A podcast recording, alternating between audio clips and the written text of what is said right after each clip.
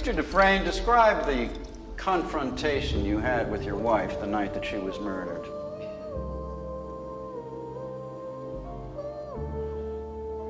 It was very bitter.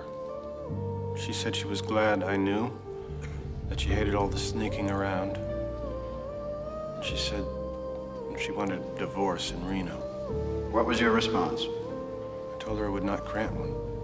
I'll see you in hell before I see you in Reno. Those were the words you used, Mr. Dufresne, according to the testimony of your neighbors.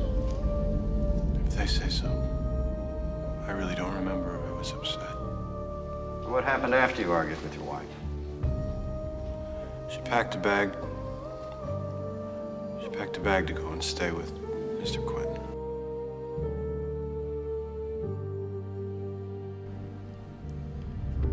The Shawshank Redemption, eller på dansk En Verden Udenfor, er den bedst rated film på IMDb nogensinde. Den er fra 94, og hovedrollerne spilles af Tim Robbins og Morgan Freeman. Og det bærende fortællermæssige element er Morgan Freemans behagelige stemme. Og i denne episode ser vi nærmere på denne film. Og det her er stadig podcasten, der gerne vil inspirere dig til, hvad du skal investere din dyrebare tid i. Og i denne episode er det altså en film, vi dykker ned i. Og mit navn er Bjarke. Velkommen.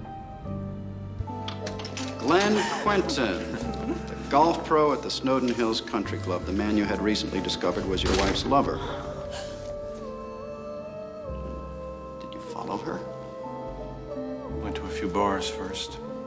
Later, I drove to his house to confront them. They weren't home, so I parked in the turnout and waited. With what intention? I'm not sure. I was confused, uh, drunk. I think mostly I wanted to scare them. Manden, der her afgiver sin vidneforklaring, er bankrådgiveren Andy Dufresne. Han svarer på spørgsmålene fra anklageren og fortæller dem om den aften, han ville konfrontere sin kone og hendes nye kæreste. When they arrived, you went up to the house and murdered them. No, I was sobering up. I got back in the car and I drove home to sleep it off.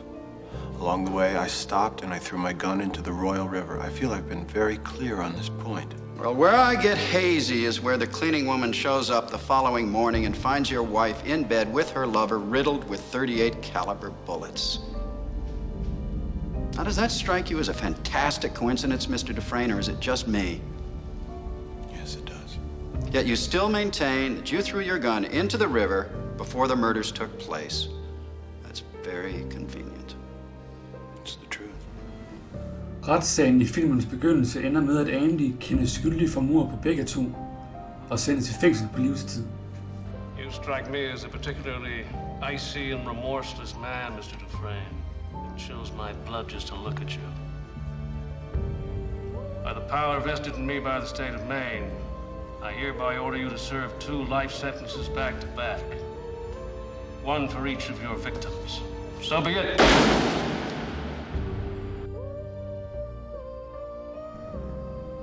Meste af filmen foregår i et fængsel i fortidens USA.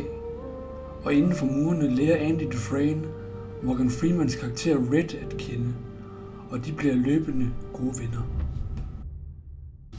Andy får det ikke let i fængslet.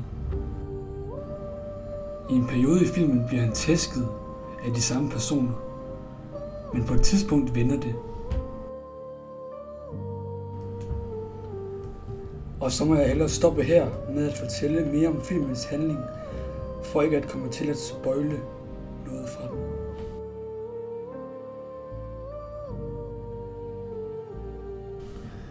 Her kommer der tre grunde til, at du bør se The Shawshank Redemption. Selvom den ikke vandt en Oscar for bedste film, så er den af mange regnet som den bedste film nogensinde. Nummer 2.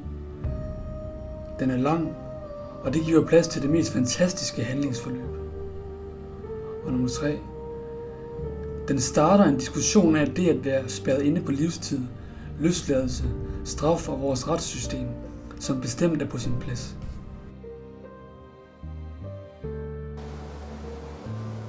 I think you'll ever get out of here? Me? Yeah. One day, when I got a long white beard and two or three marbles rolling around upstairs, they let me out.